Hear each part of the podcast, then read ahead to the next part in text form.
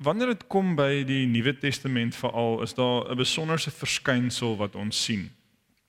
Baie van Paulus se briewe en ons het baie daaroor gepraat, die van julle wat by die met die Johannesbriewe hier was, dit was nou wel nie Paulus wat dit geskryf het nie, maar baie van die Nuwe Testament briewe is geskryf in reaksie op dwaling. En uh, toe ons Johannes se briewe gedoen het, het ons ook vir mekaar gesê dat ons is geneig om die vroeë kerk te idealiseer en dat die briewe op sigself eintlik vir ons wys dat daar was uitdagings en probleme. Anders sou die briewe nie nodig gewees het in baie gevalle nie.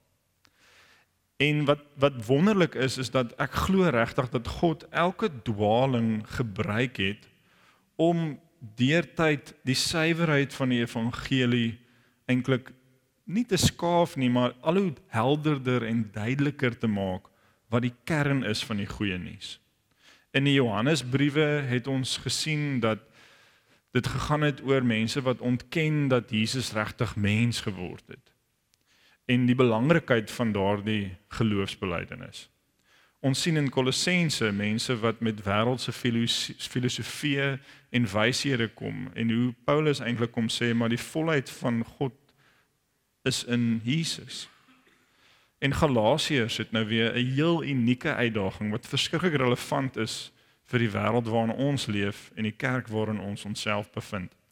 So mense sou kon sê dat dwaling amper is soos 'n inenting wat eintlik 'n mate is van 'n siekte wat ingespuit word sodat jou liggaam sterker kan reageer en nie erger siek word nie.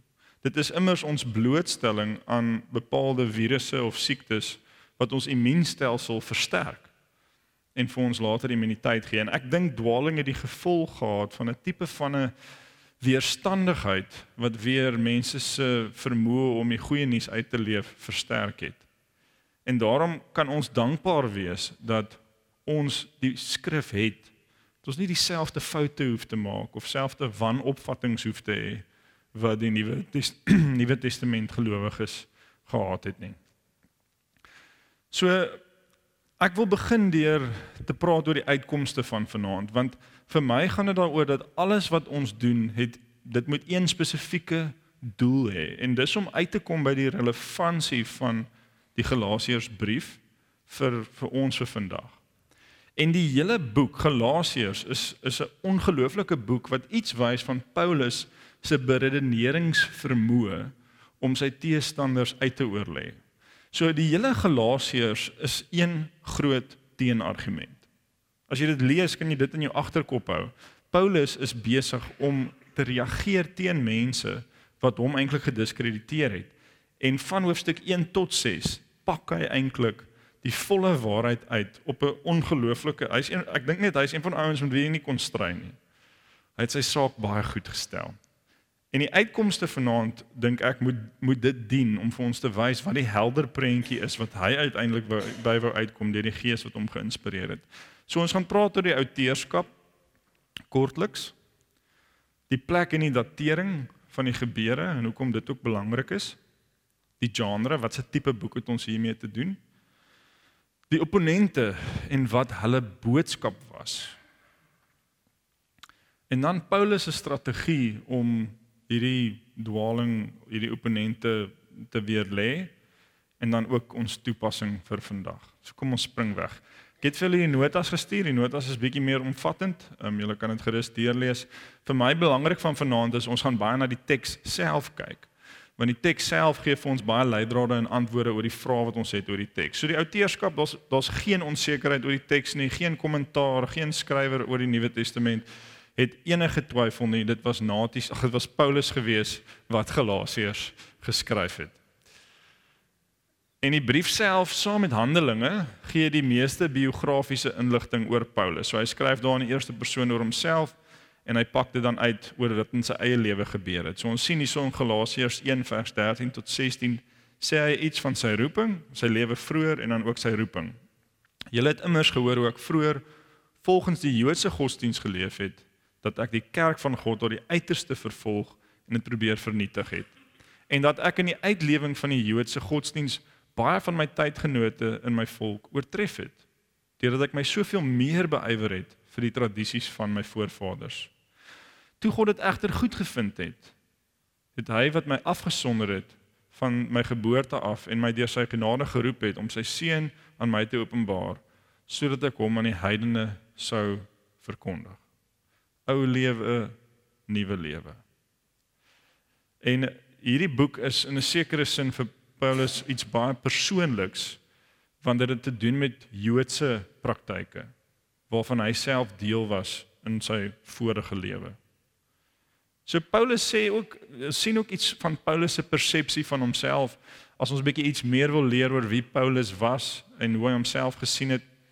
Hy was 'n Jood wat toe geroep is as 'n Christen. So hy kom uit daai sterk Joodse tradisie uit.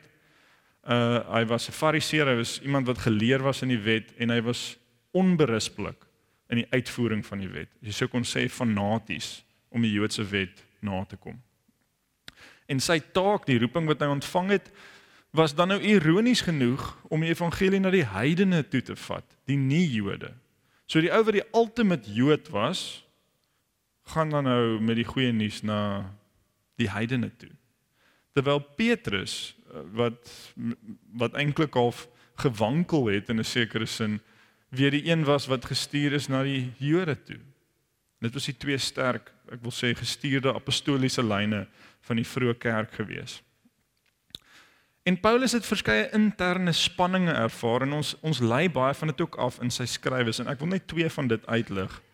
Die die spanning inherënt tussen Jood en Christen wees.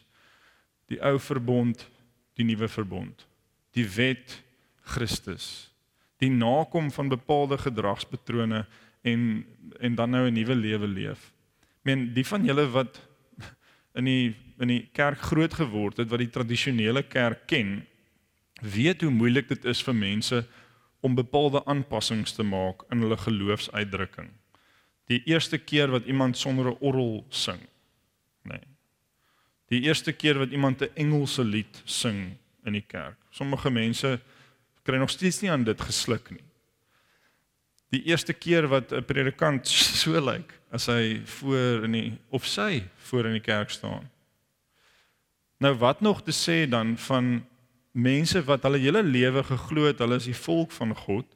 Hulle het die oorspronklike verbond ontvang en hulle het hierdie lys van goed God wat hulle moet doen en nou doen hulle dit nie meer nie of nou moet hulle dit nie meer doen nie. Dis dis 'n stryd en 'n spanning vir Paulus intern wat hy mee moes leef. En dan ook die interne spanning tussen sy verlede en sy hede. Nou nêrens word daar reg gesê dat hy met absolute skuldgevoelens leef nie. Maar ek dink daar was amper half hierdie ding in sy agterkop van hy besef hoe sy lewe was en dit maak sy ywer vir dit wat sy taak nou is soveel groter. So dis die Paulus met wie ons hier te doen het.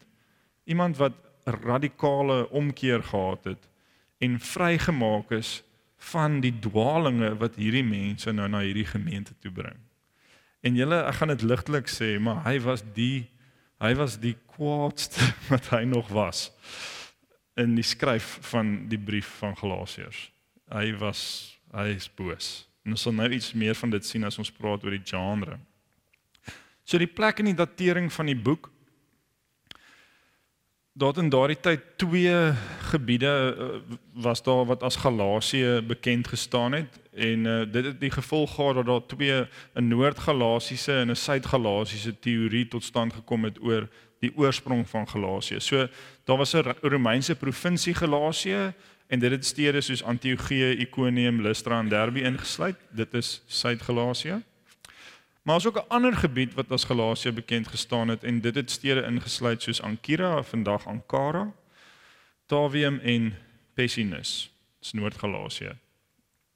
So daar sien ons dit's nou, julle gaan nou nie mooi daar kan sien nie, maar daar sien ons Noord-Galasië en Suid-Galasië met uh, Ankira in die noorde en dan Iconium, Lystra en Derbe in die suide en dit het nou die vraagstuk gebring aan wie is hierdie briewe dan nou eintlik gerig? En ek gaan nou vir julle wys hoekom dit nogals belangrik is want dit dit's bepalend eintlik vir die interaksie wat Paulus met die gemeentes gehad het.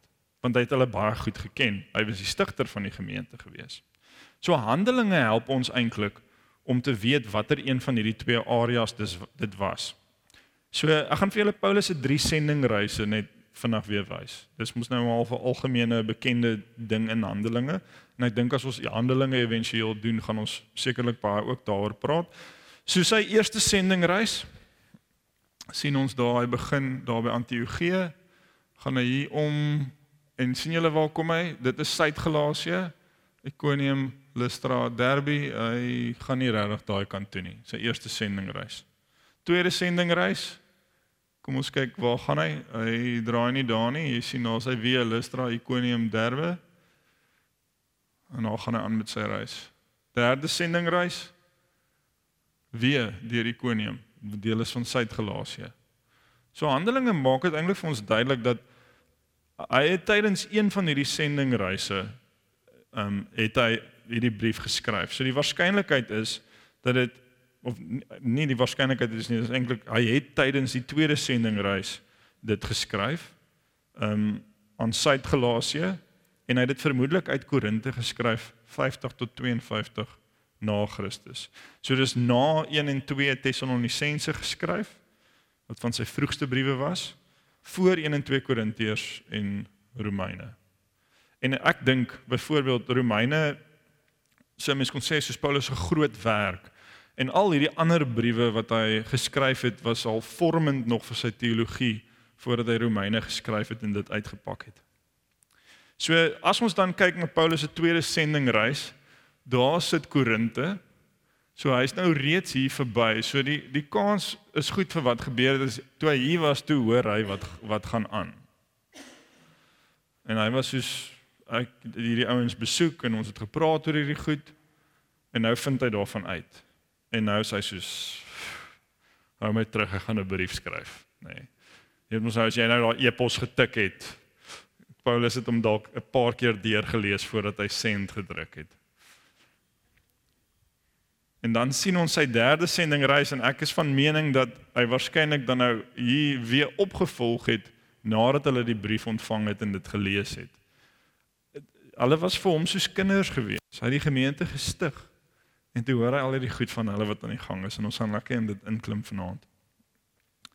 Nou die genre, die die literatuurtipe haakte nou eintlik aan by Paulus se emosionele ervaring van hierdie gebeurtenisse. Dit het die tipiese kenmerke van 'n Nuwe Testament brief. Maar die danksegging en die lofprysing gedeelte word doelbewus weggelaat.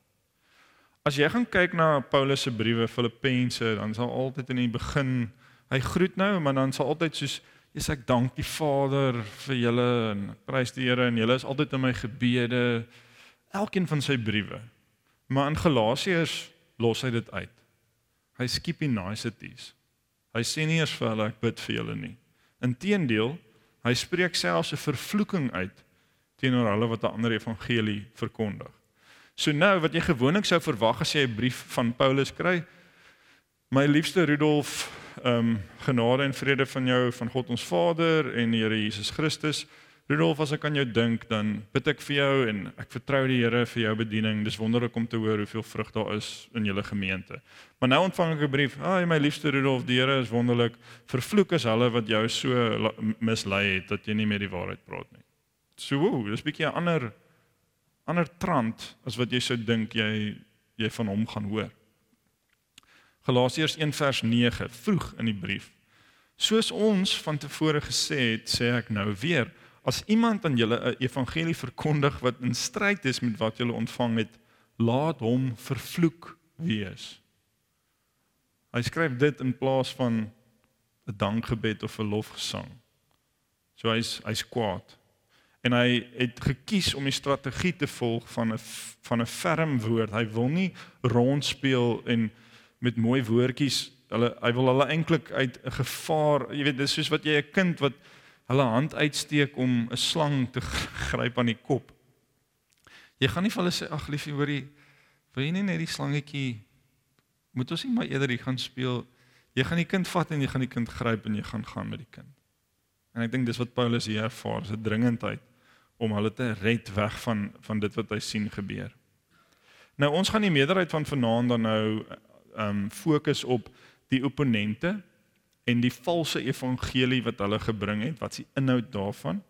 En julle gaan sien dis baie relevant ook vandag. en dan Paulus se strategie om dit te weer lê. Want in Galasiërs sien ons iets van wat hulle praat van retoriek. Retoriek is die kuns van oorreding. Dis die kuns om iemand te oortuig van iets.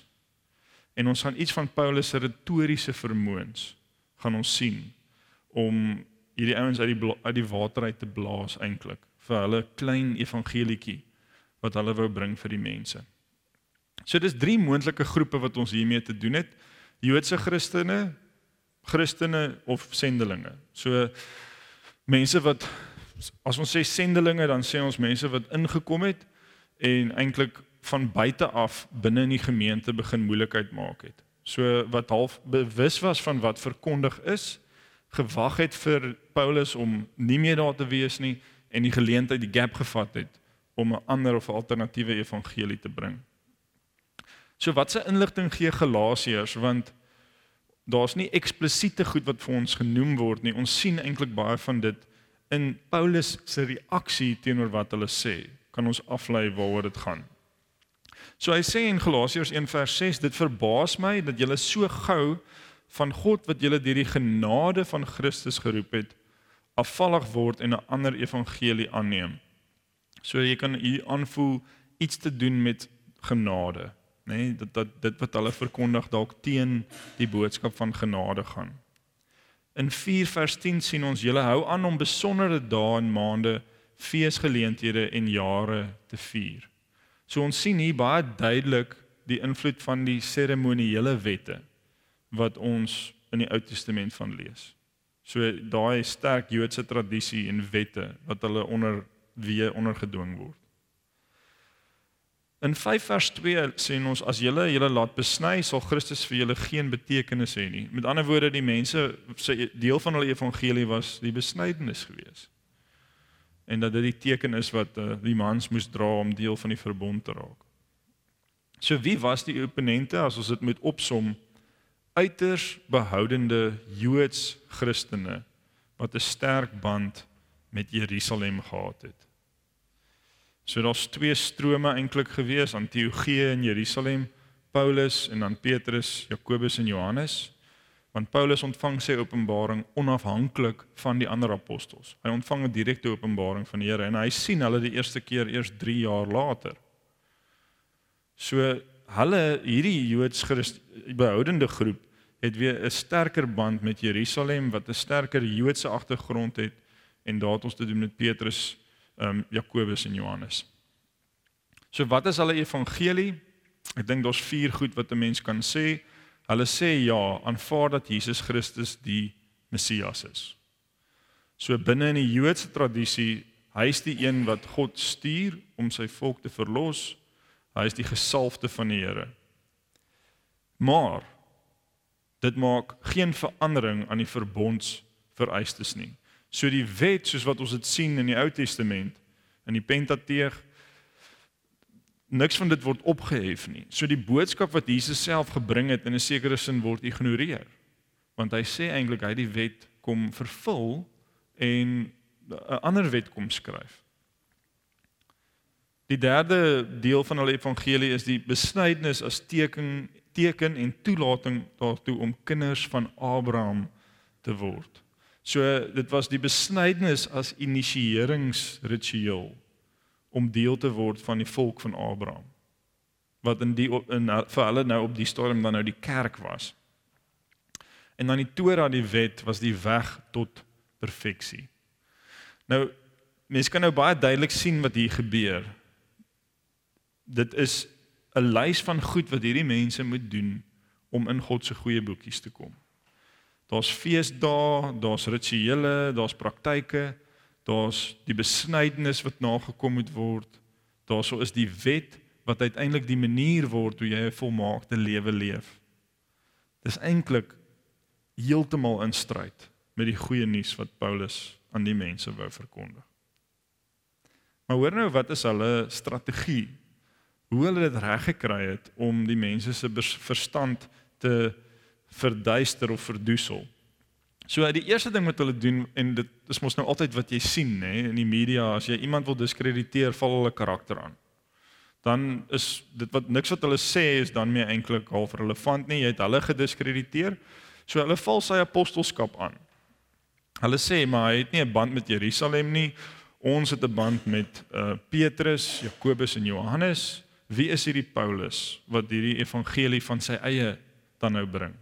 So hulle wil hom heeltemal van sy gesag ontneem en in sy afwesigheid kry hulle dit reg om dit te doen. Hulle praat die mense 'n gat in die kop. Hulle heg 'n groot gesagsposisie aan Jerusalem, die sterker Joodse tradisie. En hulle doen 'n beroep op die Ou Testament, op wat die skrif sê. En vir hulle is die uitleg van die skrif dat die Messias sal kom en die verbond en die wet sal nog steeds nagekom word vanuit hierdie messiaanse verwagting. So die wet word volkome uitgevoer deur die Messias. En dit los dan vir Paulus in 'n situasie waar hy deur 'n brief nou die saak moet regstel. Nou as jy nou op sosiale media gaan, nê. Nee, het jy al gesien dat mense mekaar reg verstaan nadat hulle vir mekaar iets geskryf het op sosiale media? Het julle het, het mense nog nooit mekaar reg verstaan nadat hulle op Facebook in die comments section vir mekaar dit dit gebeur nie nê. Nee. Dis 'n baie baie moeilike platform. Paulus gaan kan nie gaan en gaan sit by die mense en met hulle gesels nie. Hy het hierdie brief en wat hy nou doen is hy gaan en hy laai elke stuk insig, wysheid, geleerdheid, antieke um, strategie, literatuurvorm, hy pak dit alles in hierdie een boek in. Julle, dit is amazing. En ek gaan dit nou uitpak. So dis 'n mondvol, dis 6 die struktuur van die boek van Galasiërs is gelyk aan Paulus se strategie om hulle te oortuig. En daar's 6 maniere waarop hy dit doen. Paulus se retoriese strategie. Die eerste ding wat hy doen natuurlik is dat hy oortuig hulle van sy goddelike gesag. Dat hy 'n apostel is. Want as hy dit nie doen nie, het hy nie 'n voet om op te staan nie. Tweede ding wat hy doen is hy oortuig hulle dat sy evangelie die ware evangelie is en nie die een van die teestanders nie. Maar dan gaan hy en hy oortuig hulle ook van die minderwaardigheid van die wet. En dan oortuig hy hulle dat die evangelie van sy teestanders eintlik slawerny is.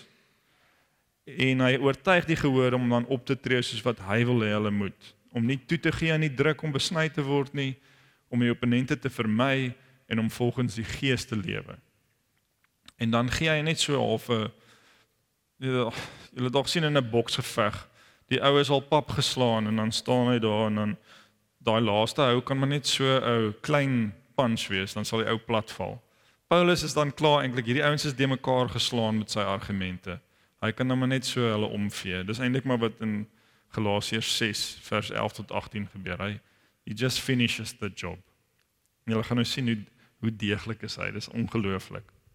En ek gaan ek gaan nou wat ek wil probeer doen is en ek wil hê as jy jou Bybel het, maak hom oop want as jy 'n fisiese een het waaruit jy lees, dit help so bietjie om alles te kan plot binne in die groter prentjie van van Galasiërs. As jy dit op jou foon het, kan jy dalk want dit gaan nou kronologies wees. So jy gaan kan na die opskrif kyk van die gedeelte en jy gaan kan in want ons gaan nou in volgorde werk omdat dit die struktuur van die boek is. OK. So julle kan gou julle Bybels uithaal.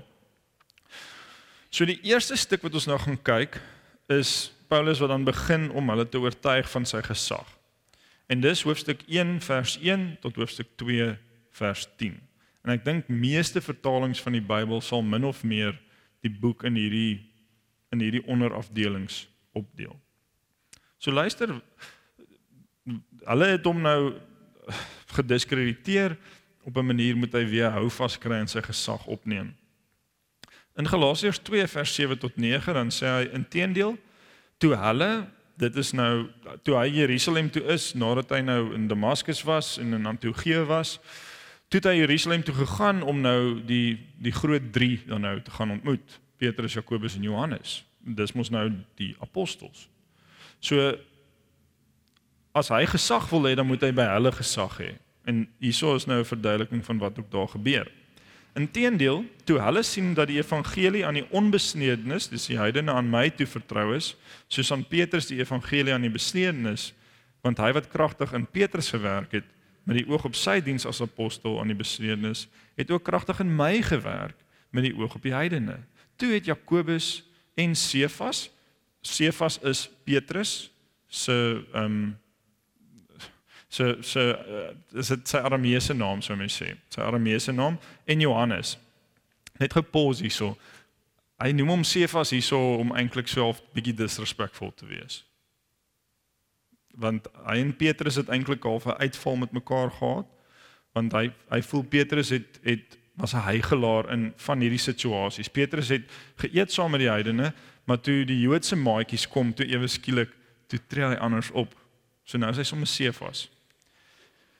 So Jakobus en Sefas en Johannes wat as die pilare gereken is, die genade wat aan my gegee is, begryp en hulle het die regterhand van broederskap na my en Barnabas gereik sodat ons na die heidene sou gaan en hulle na die besnedenis.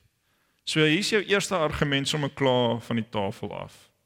As hierdie as die groot 3 dan nou die pilare van die kerk in Jerusalem die hand sal uitsteek vir Paulus en sê hoorie alles wat jy vir ons gesê het van die openbaring wat jy ontvang het, dis legit.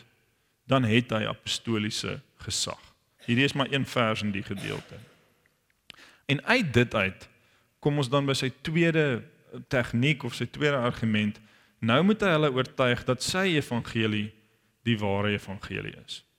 En nie hierdie alternatiewe evangelie wat die wat die ehm um, teestanders bring nie. So Galasiërs 2 vers 16, so ons is nou by 2 vers 11 tot 3 vers 14. In Galasiërs 2 vers 16 lees ons: "Tog weet ons dat 'n mens nie op grond van die uitvoering van die wet geregverdig of vrygespreek kon word nie, maar slegs deur die geloof in Jesus Christus. Ook ons het in Christus Jesus geglo sodat ons regverdig verklaar kon word op grond van geloof in Christus en nie op grond van die uitvoering van die wet nie. Omdat geen mens op grond van die uitvoering van die wet geregverdig sal word nie. Galasiërs 2 vers 21. Ek verwerp nie die genade van God nie, want as vryspraak deur die wet kom, dan het Christus te vergeefs gesterf. So die eerste boodskap van die wat wat ons nou gesê het wat hierdie teestanders as hulle het gesê jy moet in Jesus glo as die Messias en dan moet jy die wet nakom. 2 2 3 en 4 is nou die nakom van die wet. Nommer 1 is Jesus as Messias. Nou sê Paulus, maar as jy 2 3 en 4 doen vir jou verlossing, dan is nommer 1 niks vir jou werd nie. So jy kan nie Jesus hê vir jou verlosser en die wet hê vir jou verlosser nie. So jy moet nou kies is Jesus die ware evangelie of is hierdie boodskap van die wet die ware evangelie? Want die twee is mutually exclusive. So deur hierdie argumente voer forceer hy hulle eintlik om 'n keuse te maak tussen Christus of dan nou die nakoming van die wet. En ek dink dit bring dan eintlik 'n logiese keuse om te sê wel as dit 'n alles of niks tipe argument is, dan moet jy as jy in die evangelie wil glo na die kant van Jesus kies. Dit is die enigste manier om behoue te bly dan um, in die kerk. So nou eh, as jy die hele stuk gaan lees, ek meen ek haal dele daarvan uit. Hy het 'n meer breedvoerige argument in elk geval daarvoor. Maar nou sien jy wat hy doen. Hy het homself herbevestig as apostel. Hy het nou oortuig dat dis die ware evangelie want die evangelie is nie Jesus plus nie. Dis net Jesus alleen wat genoeg is. Geloof in Jesus, gered deur genade, vrygespreek in Christus. Maar nou wil hy dit nog verder vat want dalk luister die mense nou en hulle dink maar die wet is kosbaar. Ons het dit vir dekades lank nagekom. God het dit vir ons gegee. Dis 'n gawe. Dis al honderde, dis, dis duisende jare oud, dis honderde jare oud. Ehm um, en nou so, so Paulus weet nou dit hang nou ook in hulle agterkop. So deel van sy argument moet wees om te wys dat die wet eintlik minderwaardig is. En hy gebruik 'n baie um relatable beeld vir hulle in daai tyd. So ek ek lees graag vir julle hierso uit Galasiërs 3 vers 23 tot 25. En ons net daarby een woord eintlik stil staan.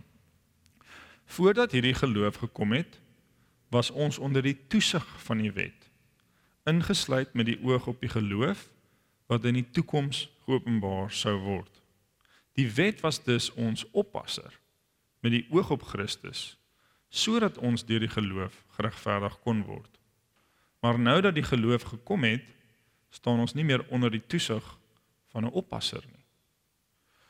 So sy vergelyking hier is dat daar's 'n paar redes hoekom die wet gekom het. So hy sê God se toekomsplan was altyd die geloof deur die koms van Christus.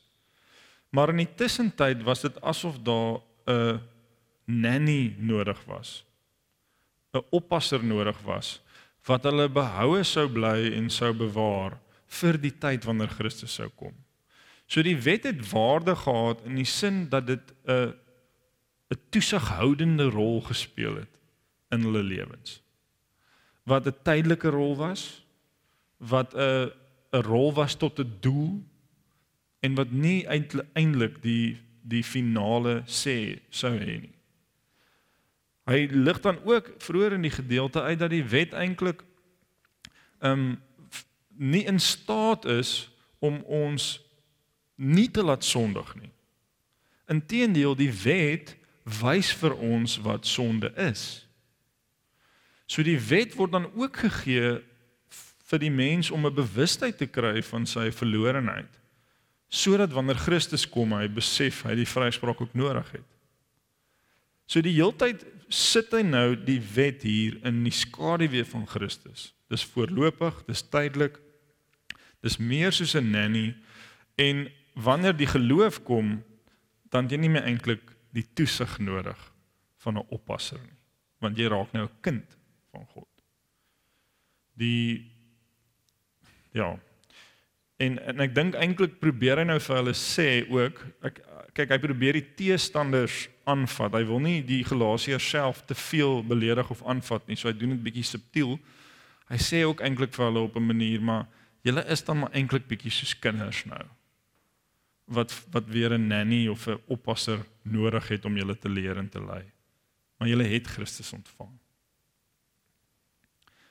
En die vierde ding wat Paulus doen is hy oortuig hulle dan dat die evangelie van die op opponente godsdienstige slawerny is en hy ooreed hulle om liewer godsdienstig vry te bly deur by die evangelie te bly. So hier doen hy 'n beroep op twee goed. Die logika van die mens en die begeertes van die mens. Want die logiese ding is dis beter om vry te wees as om 'n slaaf te wees. Dis dis eenvoudige logika. En op 'n begeerte vlak wil ons ook eerder vry wees as om onder slawerny te staan.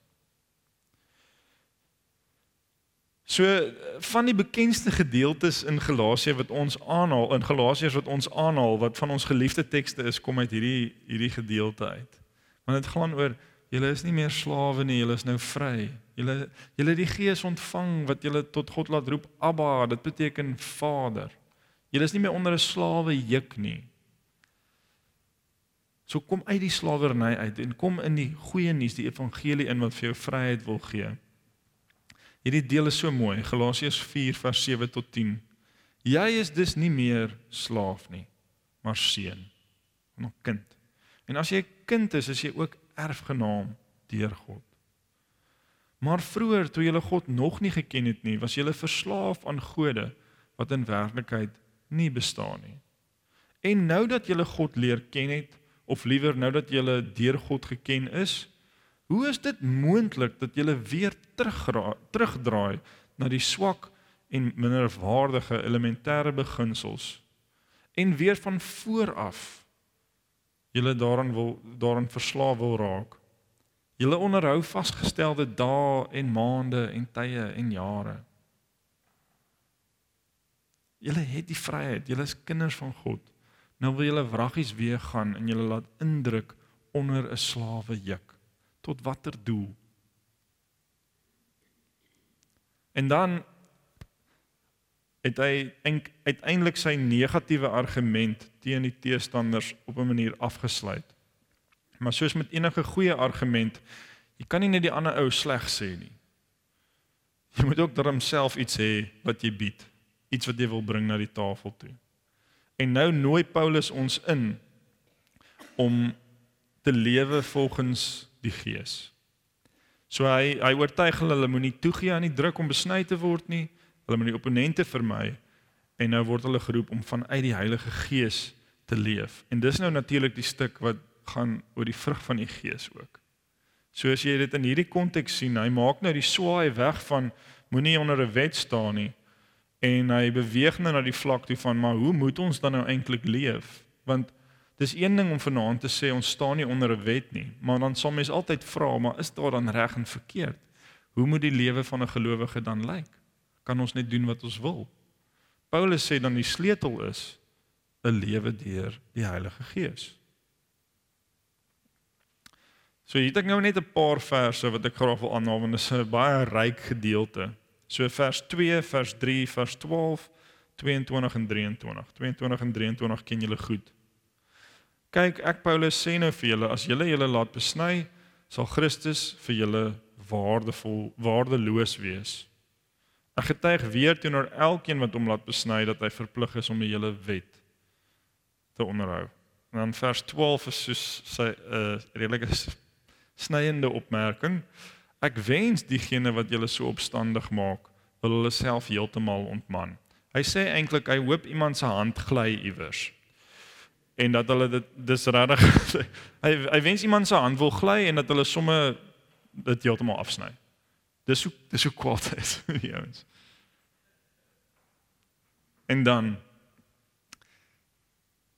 die vrug van die gees is liefde, blydskap, vrede, geduld, vriendelikheid, goedheid, getrouheid, sagmoedigheid, selfbeheersing. Teen hierdie soort dinge is daar nie 'n wet nie. So is eintlik interessant dat hy nou sê as jy deur die gees leef, dan weerspreek jy in elk geval geen wet nie. Want jy leef dan volgens die wil van God. Nou toe ek klein was, want hulle mos nou is dit 'n lemoen of 'n hartjie wat nou presies 9 een van daai twee het 9 skywe in. Weet julle van dit? Weet ken julle dit nie? Sanet, weet jy van dit? Julle Naughty? Okay, so hoe ek dit al verstaan is ding 'n lemoen of 'n nark een van daai het het 9 uit 9 skywe in. So hoeveel soveel die vrug van die gees is. So dit's cool, né? Nee? So weet 'n kindermoment. My volgende kindermoment. Dis 'n spoiler nou ongelukkig. So ons het altyd gesê Toe ons klein was het ons geleer van die vrugte van die Gees, maar dis nie die vrugte van die Gees nie, dis die vrug van die Gees. Dit beteken die Heilige Gees lewer vrug op in jou lewe. Wat dan van nature uit jou uitvloei. En dis hoekom die beeld van 'n narkie mooi is, want dis een vrug. Dis vrug. Maar dis hierdie nege verskillende goed wat binne in dit uitspeel. Ek wens ek het 'n narkie gehad. En ek hoop regtig ek's reg dat dit 'n narkie is. Dis een van daai. Dan sê hy as jy deur die gees leef, dan hoef jy nie te worry nie. Want jy gaan die regte ding doen. Jy gaan jy gaan teen die vlees kan gaan, jy gaan teen die wet kan gaan, jy gaan in die genade kan leef. Dis 'n nuwe etiese riglyn. Maar ons gaan aan die einde en ons is nou amper daar. Net so half 'n nuance gee, laat dit nou nie klink of ons nou sê, jy weet, my oortuiging is om te doen wat ek wil, die gees oortuig my. Daar is 'n paar goed wat dit kwalifiseer. En ons sal by dit kom aan die heel einde. En dan sy laaste, die laaste ding wat hy doen is hy hy gee hierdie finale weerlegging van die opponente. En uh, dis die deel waar hy sê ons moet mekaar in sagmoedigheid reghelp. Maar as hy hierdie laaste woorde sê of uh, in Galasiërs 6 vers 7 dan sê hy moenie julle laat mislei nie. God laat nie hom bespot nie. Wat die mens ook al sal saai, sal hy maai. Hy wat in die vlees saai, sal uit die vlees vernietiging oes. Maar hy wat in die gees saai, sal uit die gees die ewige lewe oes. So hy sê eintlik as dit die keuses is wat mens maak, die realiteit is dis nie net dwaaling nie. Dit gaan ook uiteindelik tot vernietiging lei. Terwyl as jy deur die Gees leef, sal jy die ewige lewe oes. Jy leef dan 'n lewe wat 'n ewigheidswaarde het en ewigheidsvrugte dra. Nou ek gaan nou baie vinnig. Ek wil net hier terug gaan na die heel begin toe. Ek wil dit net weer vir julle wys. Dis mooi, né? So as jy ooit uh, weer toespraak iewers moet lewer of iemand moet afsê, gaan kyk jy net na Galasiërs. So wanneer jy iemand het wat sê gaan 'n voorbeeld noem. Ons moet ons besny. Mag jy vark eet nie. Die Sabbat is Saterdag. Jy weet, dit is mos nou daar's 'n klomp goed. Ja, jy mag glad nie alkohol gebruik nie, jy mag nie dit nie, jy mag jy moenie dit nie, moenie dat nie. Die Ou Testament sê moenie, jy weet, die vleis moet gaar wees. Kan nie medium rare steak eet nie. Hm, dit klink nou lekker. Het jy al agterkom as jy as jy laatmiddag rondstap in George, maak nie saak wat se dag dit is nie, iemand braai. Ek oefen nie meer nie, net as gevolg van dit. So wanneer jy met dit as mens met so iets gekonfronteer is, meer as ooit besef ek nou, jy moet iemand moet die hele boek Galasiërs lees. Nie daai want die verse gooi, ek meen jy kan maar die die hele boek as 'n as 'n teenargument teen wettisisme is is net ongelooflik oortuigend. Maar is ook 'n teenargument teen is nou 'n dalk 'n nie 'n mooi woord nie, maar libertinisme. Soos om te doen wat jy wil. Dis ook 'n argument teen dit. Want jy sien, dis die twee paaie wat die mens kan loop. Streng wetties of volgens license, law or license. In Galasiërs kom sê verlossing is deur genade in Jesus Christus vrygespreek, vry van die wet, maar deur die Gees vernuwe om 'n nuwe lewe te leef. Nie volgens wat ons wil hê nie, maar volgens dit wat God wil hê deur die vrug van die Gees in ons. So kom ons sluit af met die toepassing vir vandag. Dis net vyf goed wat ek oor dit wil deel vandag. Daar is net een ware evangelie. Daar's nie twee of vyf of There's only one. En as jy so deur die kerke gaan kam reg oor die wêreld, dan sê jy agterkom dat die meerderheid van hulle in die een ware evangelie glo. Nou die goed waar ons verskil nie op daai vlak lê nie. Maar hier en daar kry jy dat hulle afwyk daarvan. En ons moet waak teen dit. Maar al kom iemand en hulle noem hulle self God of die profeet of wie ook al. Of al kom iemand en hulle sê hulle het 'n nuwe openbaring ontvang. En is teen die evangelie wat ons sien, die evangelie van Jesus Christus wat ons verlos deur sy dood aan die kruis wat in genade aan ons die nuwe lewe skenk en dat ons deur geloof dit kan ontvang. Dis die goeie nuus. As iemand ooit vir jou sê dat daar iets anders of iets meer is wat jy moet doen of iets alternatief is wat jy moet glo of een of ander geheime simboliese handeling moet uitvoer, dan is hulle nie meer in lyn met die een ware evangelie nie. Hoe kan 'n mens dit toets? Hulle sê altyd dat daar's twee goed wat jy dwaaling aan kan toets.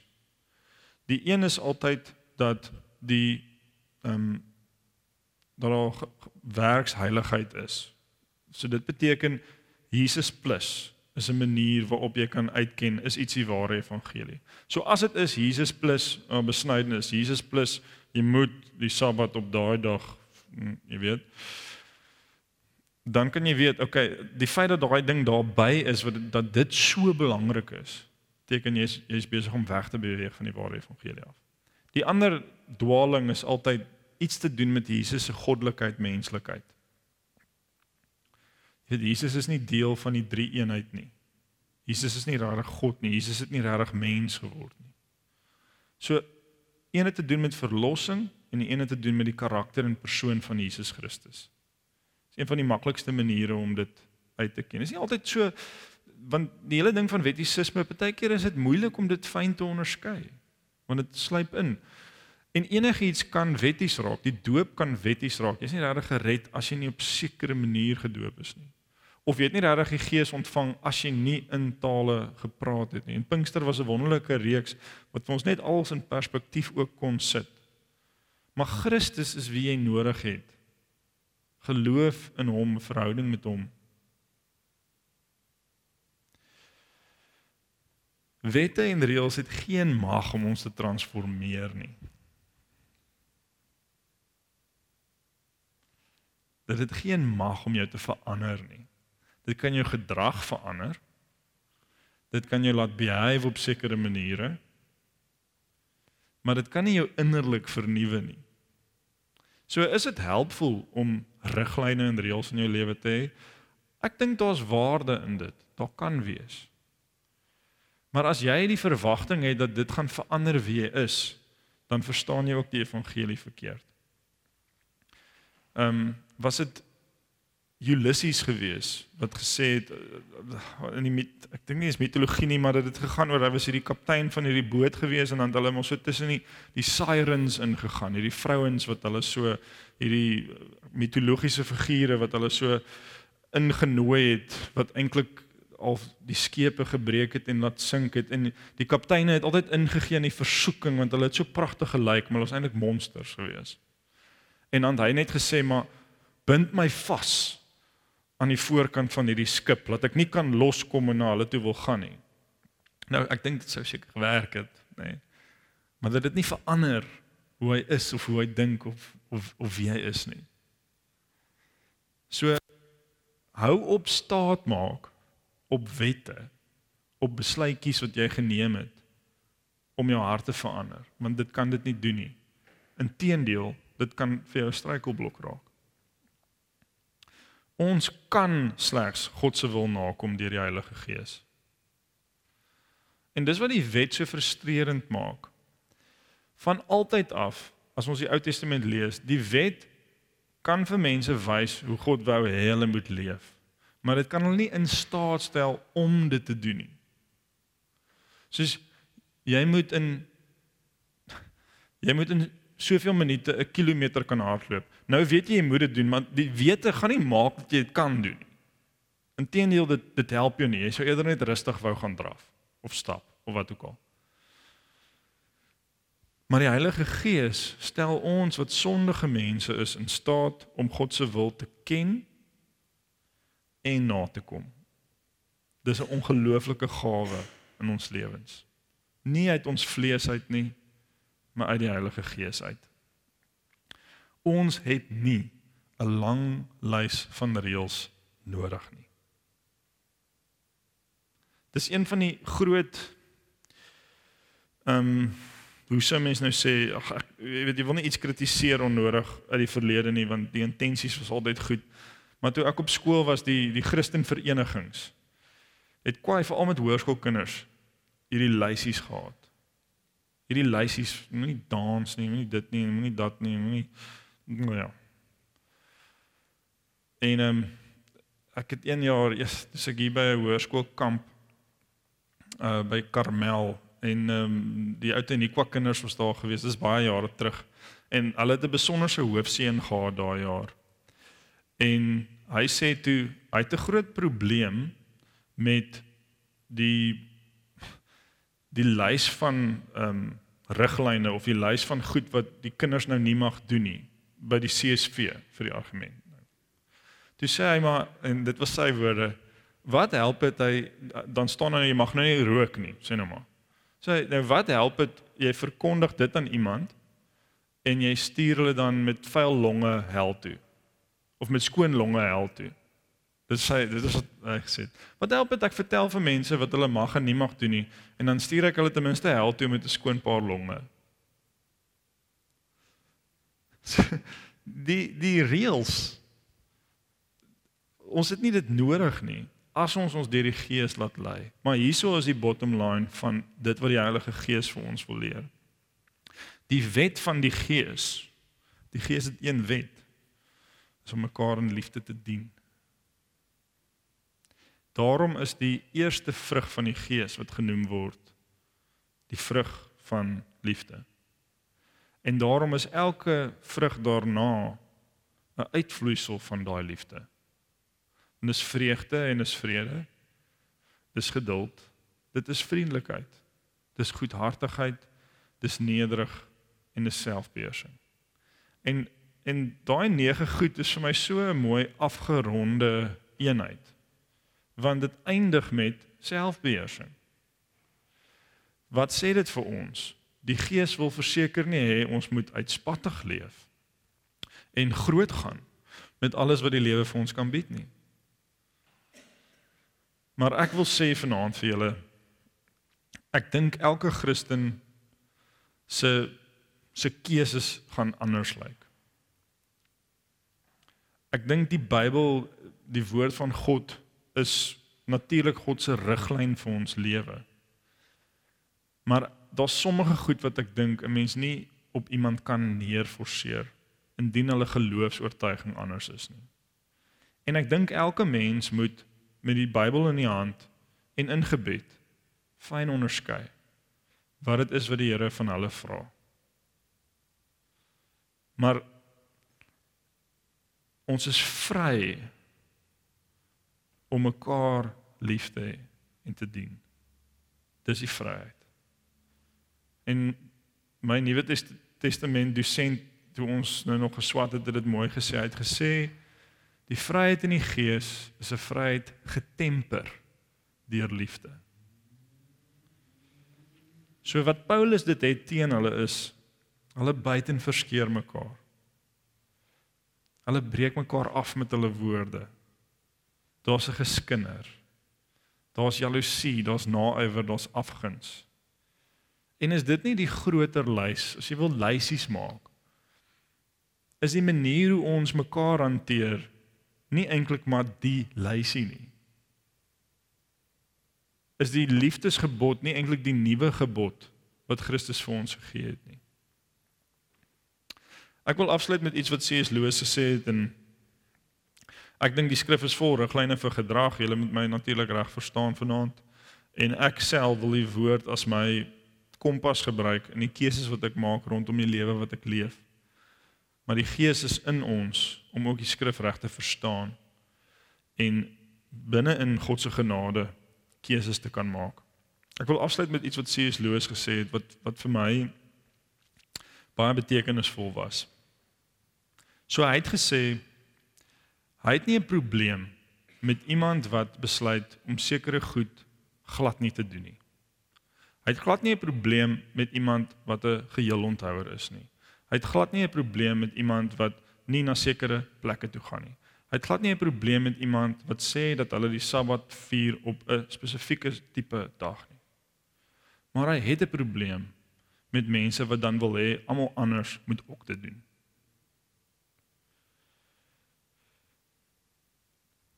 Natie het um, sy laaste diens afgesluit. Dit was net vir my die ultimate gewees.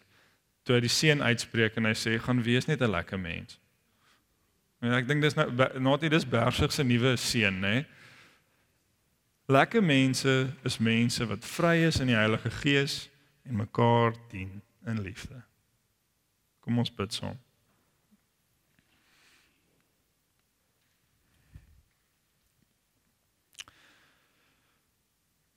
Here ja, ons word baie keer so gewoond aan die reëls, die wette, die lysies, die goed wat ons onsself oplê as gelowiges.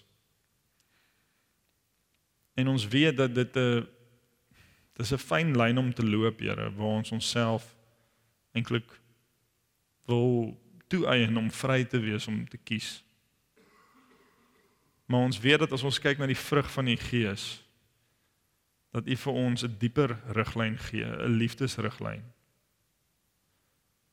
Help vir ons om te onderskei, fyn te onderskei, Here, wat U wil is vir ons lewens.